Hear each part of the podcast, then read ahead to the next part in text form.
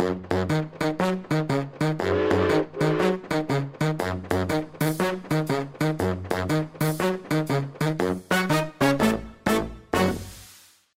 ønsker vi eh, velkommen til en ny episode av eh, Ekspedert. Og i dag så skal vi gi oss på tur til fjells. Og den som er vår gjest i dag, det er han eh, Finn Erik Sommerseth. Velkommen, Finn Erik. Takk skal du ha.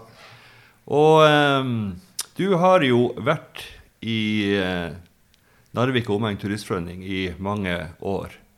Eh, og det er jo ei forening som er ganske gammel. Den ble stifta i 1902. I dag har den over 1000 medlemmer.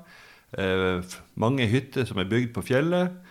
Og eh, med mange tusen overnattinger hvert år. Men eh, du kan kanskje fortelle hvordan du havna inn i det her fjelleventyret? Ja, det var vel i 1952 at min gode kamerat Rudolf Antonsen og jeg vi hadde om vinteren gått et kart- og kompasskurs. Eh, Jeg lurer på om det var Turistforeninga som eh, hadde regien der. Og vi hadde da eh, lært da litt om Sjomenfjellene og, og de turmulighetene som var da. Sjomenfjellene var jo et helt ubeskrevet fjellområde den gangen for oss. Det var jo ikke enkelt å komme inn der. Det måtte enten gå ifra Ofotbanen, Katterat, Bjørnfjell, eller fra Skjomen også innover. Og det var jo det man kan kalle nesten uberørt villmark den gangen. Og vi var jo fascinerte av det her fjellområdet. Og etter at vi nå hadde lært noenlunde å gå etter kart og kompass, så la vi en plan om å starte fra Beisfjord, gå opp inn Skamdalen, opp Skamdalsbakken, over Lossi og ned til Norddalen, opp gjennom Norddalen, eh, forbi Konjørevann, om Sjangli og videre til Bjørnfjell. Vi regna vel med å bruke ei uke på turen, og hadde et veldig enkelt telt og ellers enkelt turutstyr.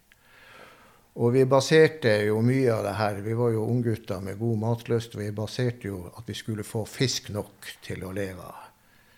Men ellers så var jo selvfølgelig havregryn det som vi hadde som reserve og hovedproviant. Og da vi starta fra Beisfjorden, så var vi innom besteforeldrene til han Rudolf og fikk da litt mat og saft. Og så fikk vi høre da at nå var Bjørn kommet til Beisfjorden. Det var jo, her var jo midt i blåbærtida. Skummelt. Og eh, vel, vi hadde jo litt bange anelser når vi nå satte opp teltet inne i Skamdalen. Fant en fin plass der. Og vi lå jo da og lytta om natta. Når det rasla i løvet, så trodde vi kanskje det var bjørn som tusla forbi. Det var det selvfølgelig ikke. Så vi sov ikke så veldig godt den første natta. Men så var det videre innover og opp på fjellet. En ny overnatting. Det var ikke noe fiskevann der, men vi kom da omsider frem til Lossivann. Og der skulle det liksom fiskes. Men ingenting å få i det hele tatt. Vel, jeg antar eh, tredje dagen så var vi på tur ned Nordalen, og et stykke innover der så ser vi noen folk som driver med noe material. Og vi oppsøkte dem, og det viste seg at det var folk fra Turistforeninga som drev og bar brumaterial ned til Kalixelva. Det skulle bygges bru der. Og vi kjente jo bl.a. Tore Pleim, og jeg lurer på han Fredrik Framnes om hva han var med. Et par-tre andre solide mannfolk. Og de hadde stasjon på Konjøret. De hadde kommet opp med fly.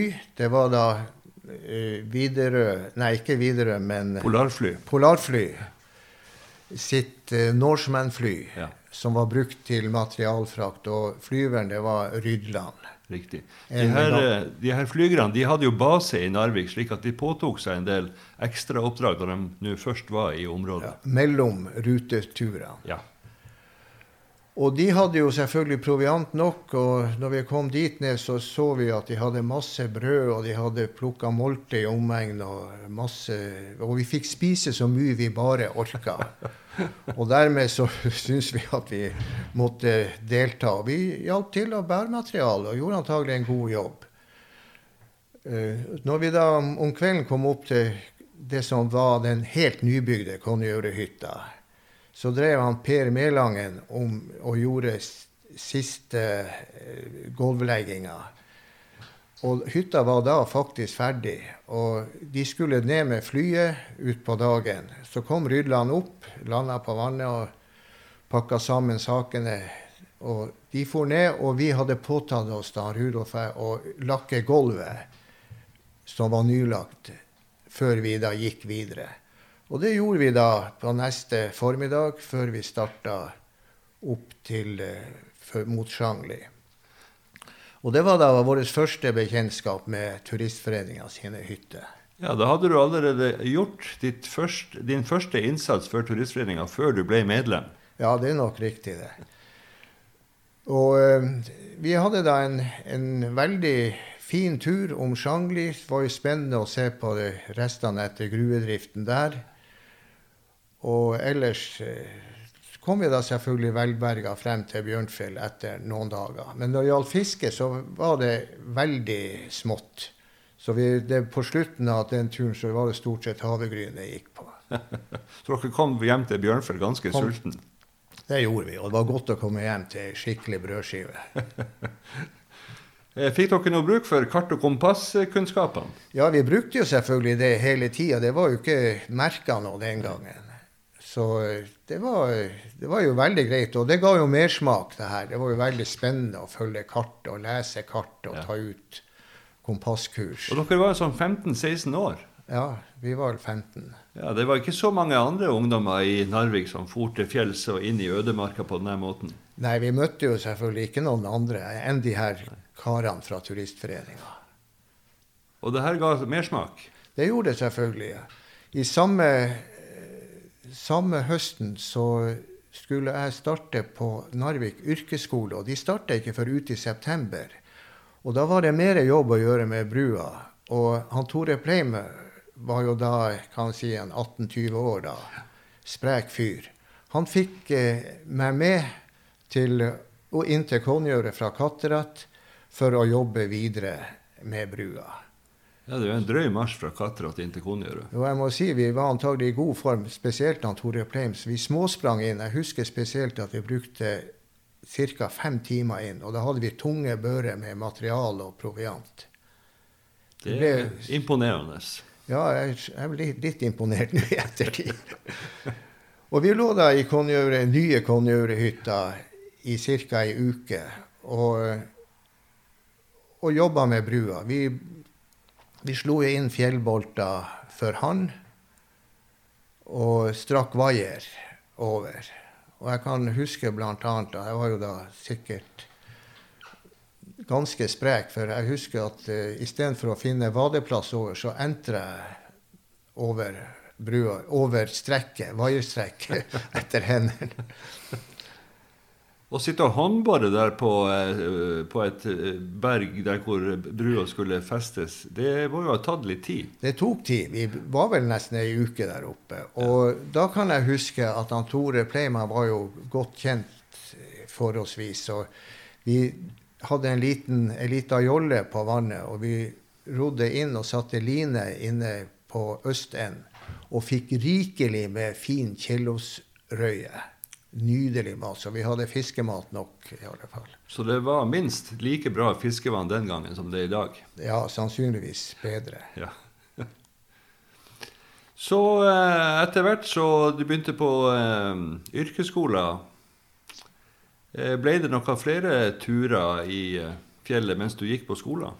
Ja da, han Rudolf og jeg, vi hadde jo da fått prøvd det her, og vi hadde da lyst til å utforske mer. Så vi begynte jo å gå turer. De første omgangene så var det jo Konjøret som var utgangspunktet. Men så var det jo også kommet ei hytte ved Gautlis. Og det ble jo det neste turmålet. Så det var jo Da gikk vi vanligvis fra Bjørnfjell om Sjangli til Konjøret, videre fra Konjøret over Allakats og Nei, nå Over China-vaget. over Chinavaget Ja. ble det den gangen. Og til Gautlis. Ja. Og spesielt å fiske på isen på Gautlis var jo veldig spennende. Det her var jo i tida før reguleringa kom, og da lå jo hytta på andre sida av vannet. Riktig. Og eh, en, eh, nede i det området som i dag er oppdemt. Ja. Eh, men hvordan kom dere dere eh, over eh, elva som løp ut av båtsvannet? Nei, nå snakker jeg om vinterturer. altså Vinterturer. sånn maiturer. Fiske på isen. Ja. Ja. Var det noe involvert når det skulle bygges ny hytte på Gautlis? Og det var vel mange år seinere, på slutten av eh, 60-tallet, at den ble bygd ny? Jo, det var for så vidt. For det var jo Den gangen så var det ikke bare å kjøpe nye materialer. Hvis du hadde materialer liggende en plass, så skulle jo det brukes. Og da ble jo den eksisterende Gautlishytta reven Ja. med tanke på å bruke mest mulig av materialene. Og da var vi et lite gjeng fra Turistforeninga som lå der og reiv eh, hytta og laga ei gedigen flåte som vi eh, fløyta over til nyplassen. For materialene fra den Gautlishytta skulle da brukes til anneks og uthus på, på Nye nye, Gautlis. Så dere laga ei flåte av materialen fra hytta, Ja. og så lasta mer oppå der igjen? Ja, det var ei, ganske stor flåte. Som vi, men da hadde vi en liten påhengsmotor på, på båten Ja. som dro. Så da fikk dere med dere eh, ovn og tyngre Vi tok også? med oss alt som var brukbart. Rubbel og bit? Ja, vi gjorde det.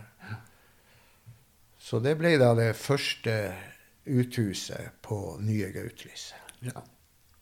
Og en del til annekset òg. ja.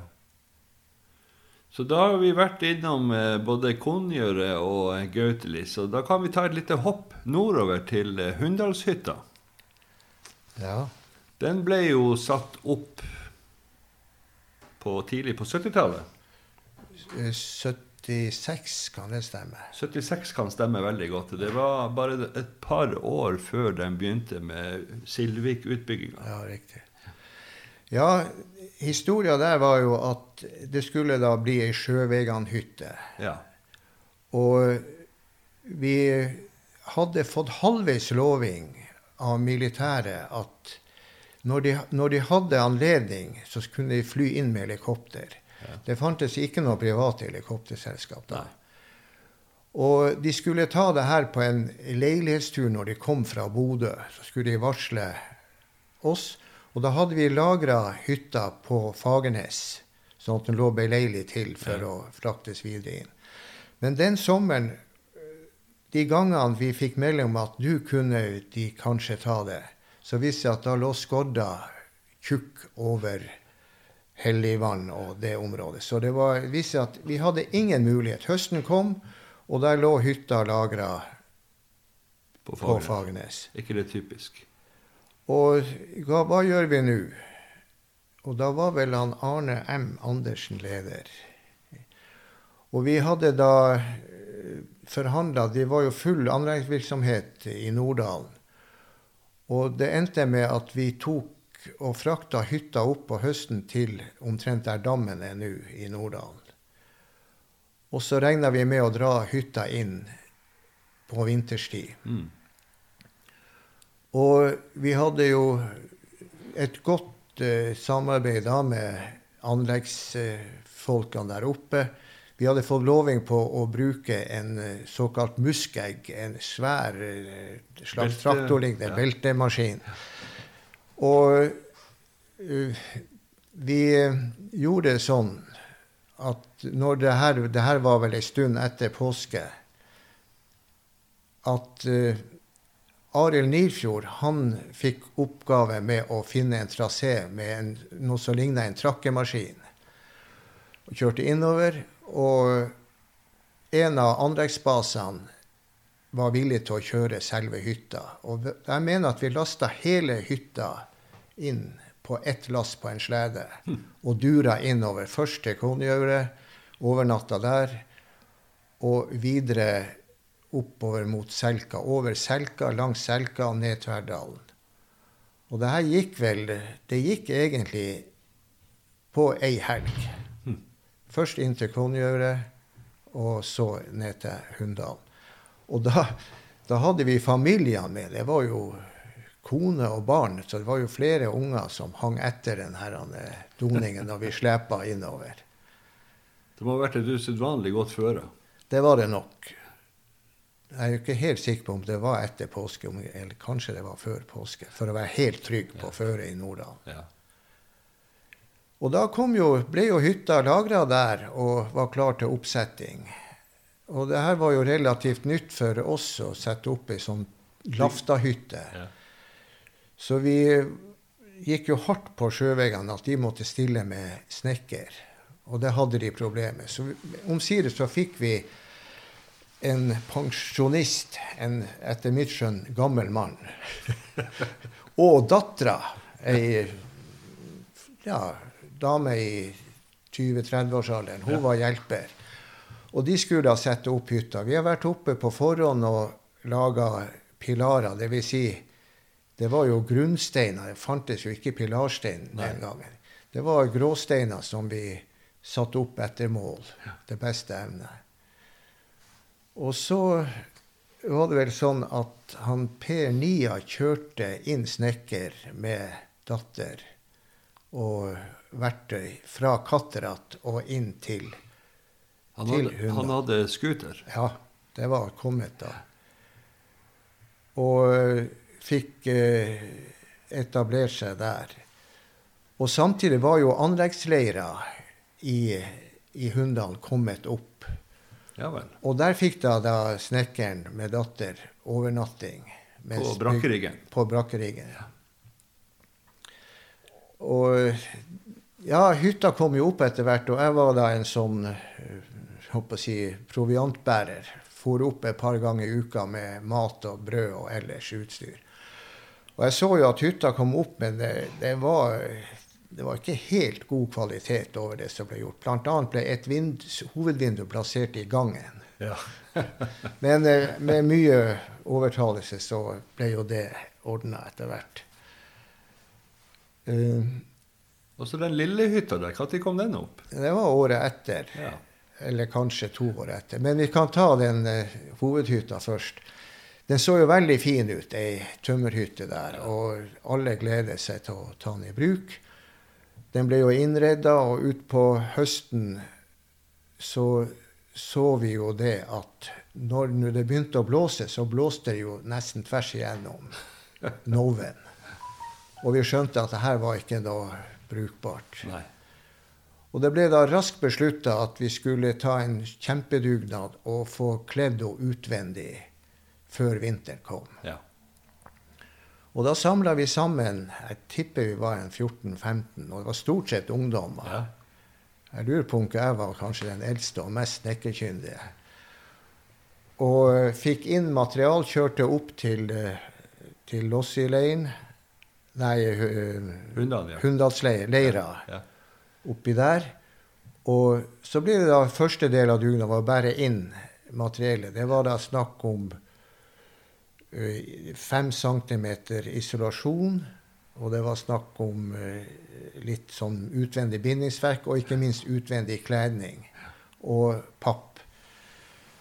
Og det her ble da gjort i løpet av ei lang helg. Ja. Vi fikk det ferdig, men det rent sånn faglige var kanskje ikke helt på topp. Vi var jo stort sett skoleungdom. Ja. Jeg lurer på om ikke han Jon Framnes og han Bjørn og de guttene var med. Var i den generasjonen. Som eh, assistenter. Ja. Men hytta ble jo vinterkledd og et populært sted. Og vi fant jo fort ut at det var behov for ei ekstra hytte, et anneks. Og det kom da til på den måten at eh, det var en god del Det var jo året etter ble jo eh, riggen i Hunndalen reven, og det var en god del material som da var gratis til avhenting. Og det vi gjorde da, det var at vi frakta materialet ned til Katterat. tok den ut til byene, til kurssenteret, hvor vi fikk prekutta materialen Ja. til annekset Kurssenteret på Øra. på Øra. ja. Og eh, da, eh, i løpet av den sommeren, skulle da han Hårek Utstøl med familie ta seg av bygginga. Ja. Vi hadde funnet plass til annekset og laga pilarer, fortsatt av naturstein. Og eh, han Hårek han kom da opp med familien. Han ble jo sannsynligvis kjørt opp til, til leiren, og de etablerte seg der. Og da husker jeg at eh, min familie og Gerd og de tre guttene vi lå i Konjøret da for å gjøre ferdig et, det første uthuset der. Ja. Som for øvrig også var rivingsmaterial. Fra Katra. Det var ikke snakk om å kjøpe ny materiale. Nei, det en helt annen tid. Ja. Og eh, vi hadde da en, en Vi lå vel antagelig ei uke der og hadde kjempefine dager. Og blant annet så var vi, vi Myrekjønna var jo da etter hvert blitt kjent som en god fiskekjønn. Og en ettermiddag så var vi enige at nå skal vi ta oss fri og ta oss kaffe og fiske der inne med Myrekjønna. Og vi etablerte oss der, og det begynte med Jeg tror det var han Jørn som først reiv i en ja, han tar en to kilos røye. Kjempefisk. Og så ble jo guttene ivrige. Og vi hadde ca. sju-åtte kilo fisk med oss tilbake til hytta den ettermiddagen. Bare stor, fin fisk. Men det var det så. Og når vi skulle da avslutte i Konjø, så var jeg enig at vi skulle gå over til Hunndal og se hvordan det gikk med, med Utstøl-familien. Ja. Og ja, det var jo Kom over dit, så var de i full gang. Han Hårek var flink å eh, få ungene i, i arbeid. Ja. Så det var jo iallfall to av de tre småungene som var gode eh, Snekkere. snekkerhåndlangere. Og vi eh, slo oss ned sammen med familien, og det ble selvfølgelig lite mat da òg, som vanlig. Og vi leita i alle skap og fant jo masse grynrester. Så hun, fru Utstøl, hun Aud, hun laga da byggmelsgrøt til alle. Så vi levde på grøt da òg. Og så var det da for oss å dra hjem til Katterat mens eh, Utstøl-familien fortsatte å jobbe på annekset. Ja. Og gjorde det selvfølgelig ferdig i løpet av høsten. ja. Ja, det var ikke dårlig. Det må jo også sies da at eh, Hans Hårek var da lærer, faglærer på snekkerlinja. Og han lagde jo selvfølgelig køyer og ellers inventar til annekset der, som vi da etter hvert fikk opp. Så da på høsten så var annekset klar til bruk. Ja. Og alt det her arbeidet det var altså på frivillig dugnad. Bare dugnad. Og eh, maten var havrevelling og byggmelsgrøt. Ja, når vi iallfall var på lengre opphold. Ja, det er, det er ikke mange som ville ha valgt det der i dag. Nei, etter hvert så ble det jo bedre kosthold, for å si det sånn. Ja. Etter hvert som man fikk tak i helikoptertransport. Jeg kan fortelle da en litt pussig historie som forteller litt om mat. Han, det var han Fredrik Framnes, han Torbjørn Lund og jeg. Vi fikk i oppdrag å bygge ei bru inne ved Vannaks i forbindelse med oppdemninga. Så måtte ruta legges om. Ja.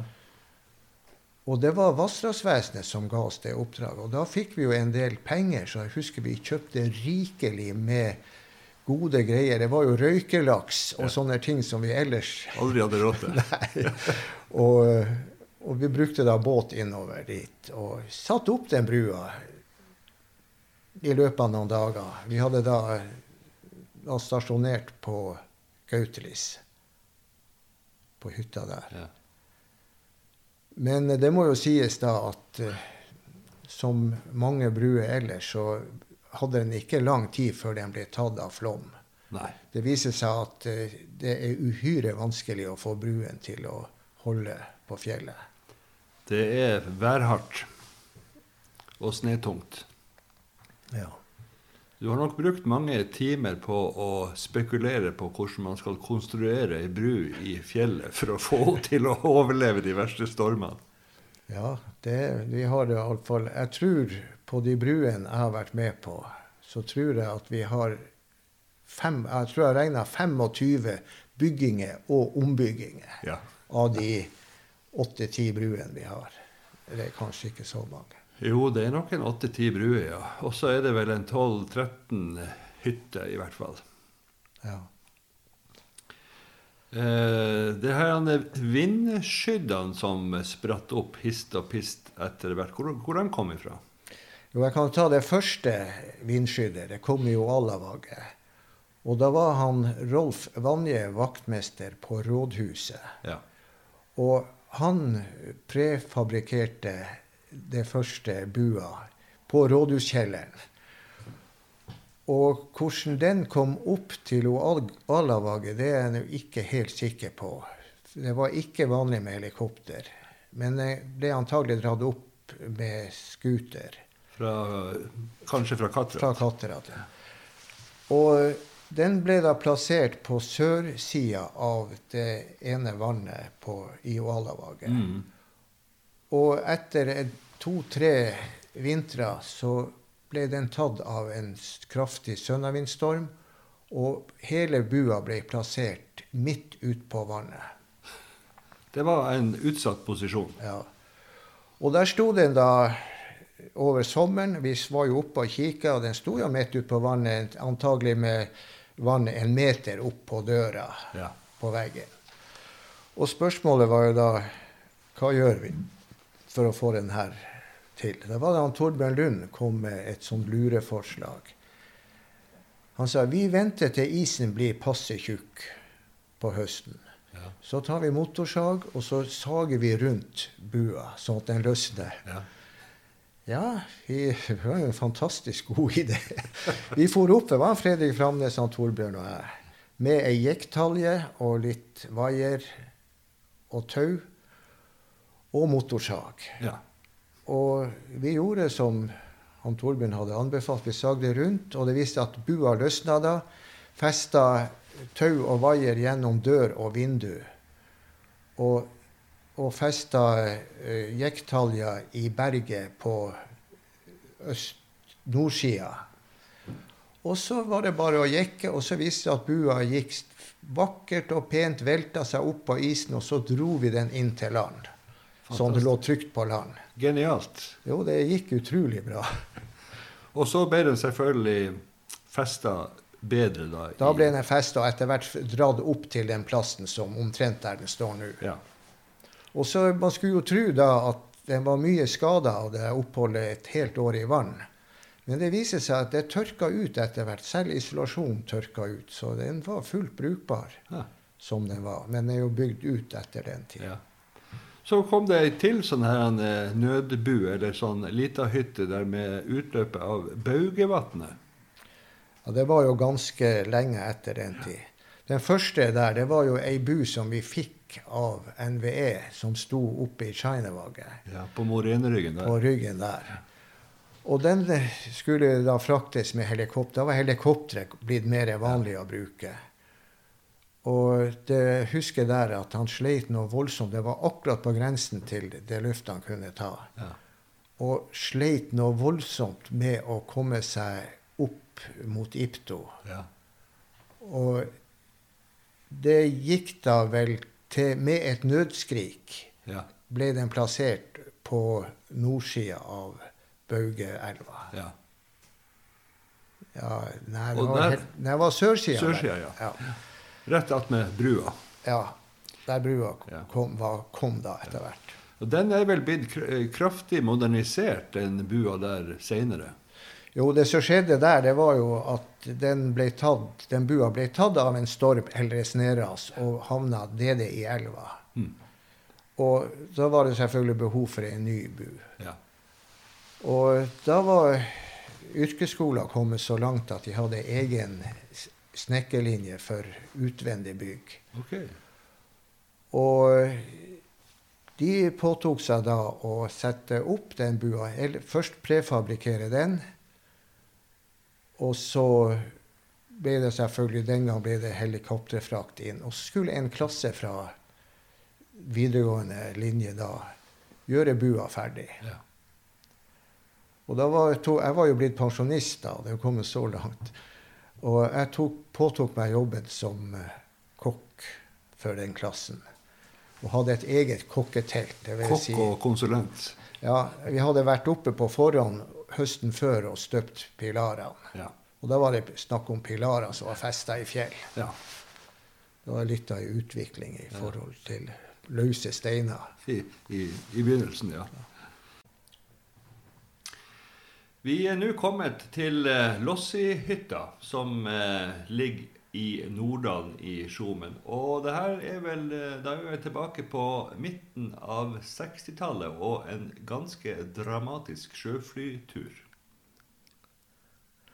Ja.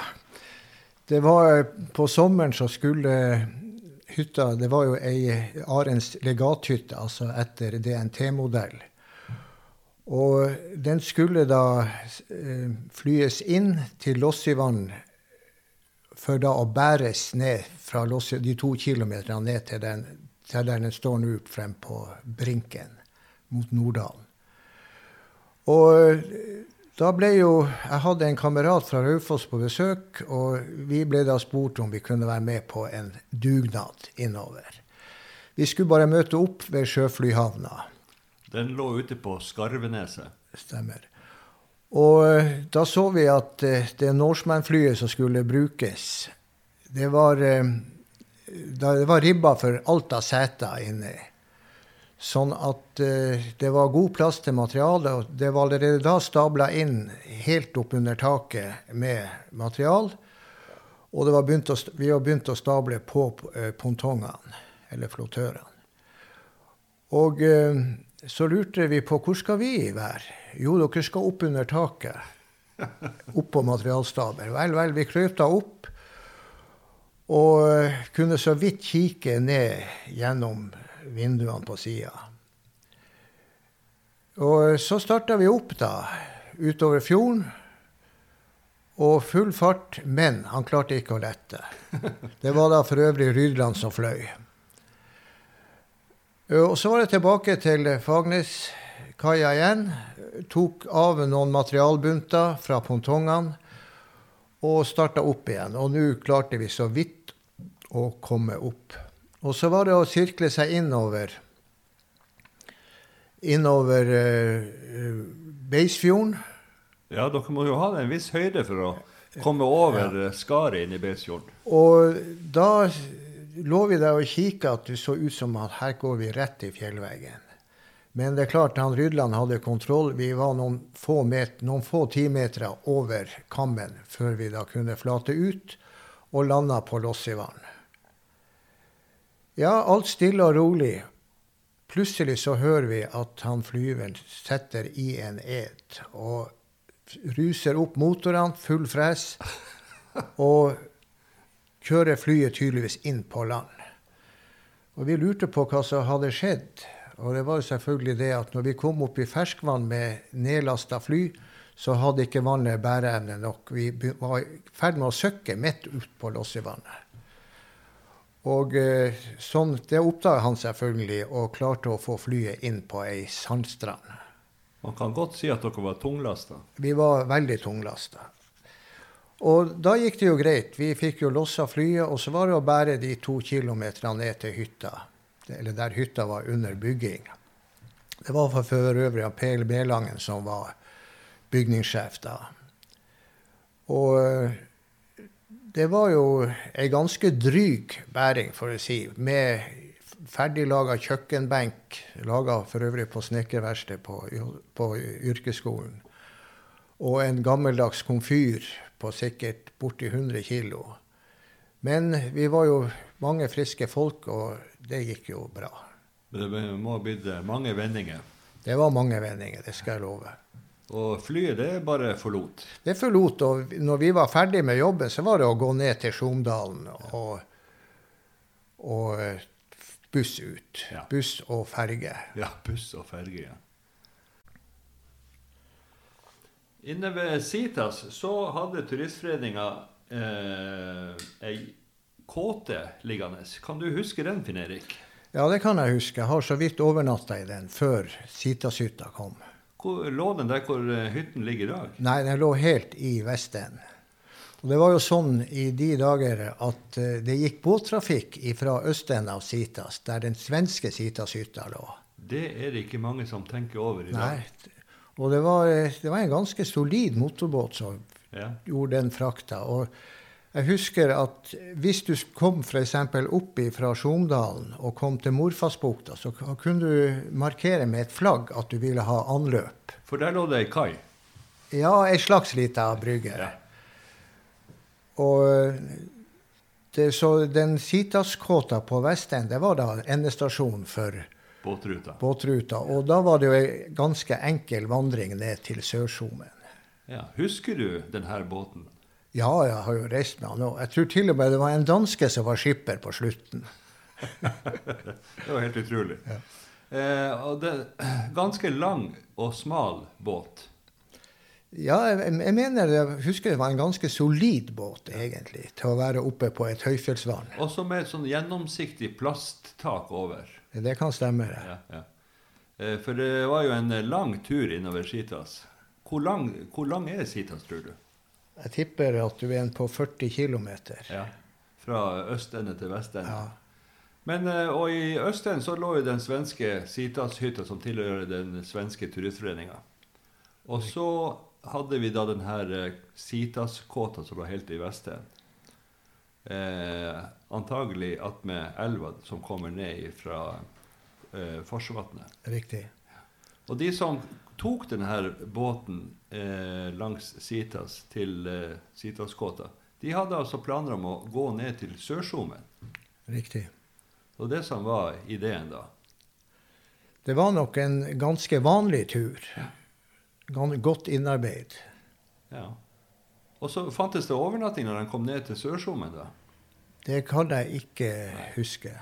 Og den gangen så var det ikke noen vei ut heller. Nei, det var jo båtskyss. Ja.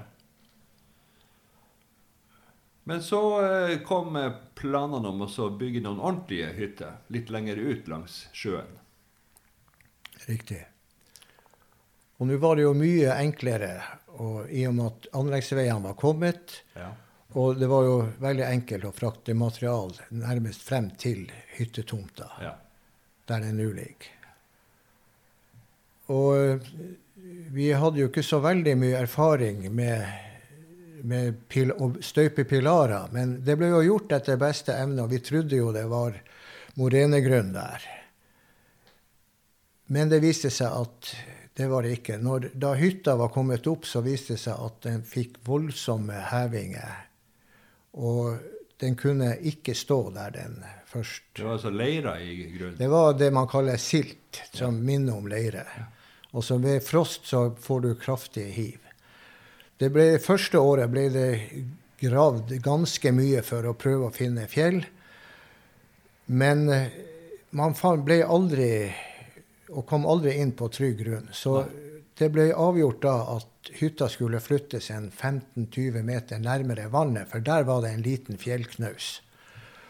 Og den flyttinga det var jo også noe som var nytt for oss. Men der tok da kurssenteret, såkalte AMO-senteret, seg av den jobben med han Bjørn Rønhaug som en av uh, bossene for den jobben. Først så støpte vi da pilarer og forberedte alt. Når pilarene, de nye pilarene på fjellet var kommet på plass, så overtok da eh, gjengen fra kurssenteret. Måtte de flytte hele hytta Flytta hele hytta som den var laga. De laga et skinnesystem og dro hytta over på de nye pilarene. Og det gikk aldeles utmerket. Så nå står den trygt. Ja. Og så kom jo Lillehytta etter hvert. Ja, Lillehytta er jo også litt sånn spesiell, for det var igjen rivingsmateriale fra Hunndalen. Som var frakta ut til kurssenteret, hvor de prekutta hytta, den lille hytta. Og der, eh, når det var ferdig prekutta, så ble den lasta på kurssenteret sin lastebil. Tore Martin Jacobsen var sjåfør. Og vi var et gjeng fra yrkesskolen, fire-fem stykker, som eh, dro inn, og vi satte opp hytta i løpet av ei helg. Så det var en, grei sak. Vi hadde ganske god rutine på sånne dugnader. Ja, dere var godt eh, sammenjobba, eller eh, sammensveist. Ja, vi var det. Så det var jo det han Etterpå er det jo kommet et eh, nytt uthus i mer å si, solid utførelse, mm. med nye materialer. Men det som er spesielt med Sitas, er jo det at du har veien like ved. Og den er jo bomstengt, slik at du får jo ikke noe trafikk forbi. Men Nei. det blir jo veldig lettvint når man skal eh, inn og gjøre arbeid med, med hytta. Det er rett. Der er ei anna hytte som ligger atskillig mer øde til, og som har færre besøkende enn toppen av Mount Everest. Og det er Røysvatnet. Ja. Den hytta er jo den som er sørligst i den, det som nå var Nordkalottleden, tenkte den gangen. Og eh, det blir jo i Tysfjord, den daværende Tysfjord kommune. Og eh, vi for da inn. Man måtte jo finne ei tomt. Og vi tok da ei skuterbefaring. Dvs. Si to skutere for opp fra Katteratt med sju-åtte mann. Og dro inn her, først inn til, eh, til Pauro. Og videre over til Tysfjord. så det vil si at vi havna vel nede i Brynsvann. Ja. Og så videre da østover mot Røystvann, ja. det som der den nye hytta skulle ligge. Vi eh, så jo ut ei tomt som vi trodde var bra, markerte den. Og så når vi da for inn på våren etter og skulle se, så viste det seg at det var jo metervis med snø der. Ikke mulig å sette. Vi fant ikke merkene til den tomta. Vi måtte prøve å finne en ny tomt, og vi gikk da litt lenger opp fra vannet. Nå ble jo, kom vi til å fjerne oss fra Røysvann. Vi kom jo heller nærmere Bjørnvatn. Ja. Og der markerte vi tomta. Og når da våren kom, så smelta vi Blant annet så var vi inne og strødde masse aske på for å få tidligere tining. Ja, hytta, den nye hytta ble jo satt opp på den tomta. Og vi trodde alt var vel og bra. Men første vinter så viste det seg at hytta var omtrent borte. Vi så så vidt skorstein over sneen. Ja, Da var den ikke til mye hjelp for skiløpere? Nei, det var ikke til mye hjelp. Og vi lurte jo på Vi kunne skjønte at sånn kunne det ikke være. Vi tok bl.a. kontakt med, med spesialister på sne. Han sneprofessoren som het uh, Tor Arne Ja. ja Jobba på høyskolen. Ja. Og han Tore Martin og jeg, vi tok da han med. Vi fikk hyra et eh, fly fra Vassjaurevann, et skifly. Ja. Og vi for da inn til eh, han flyveren, svenske fly, han torde ikke å lande på norsk så han landa nede i svarte i øret.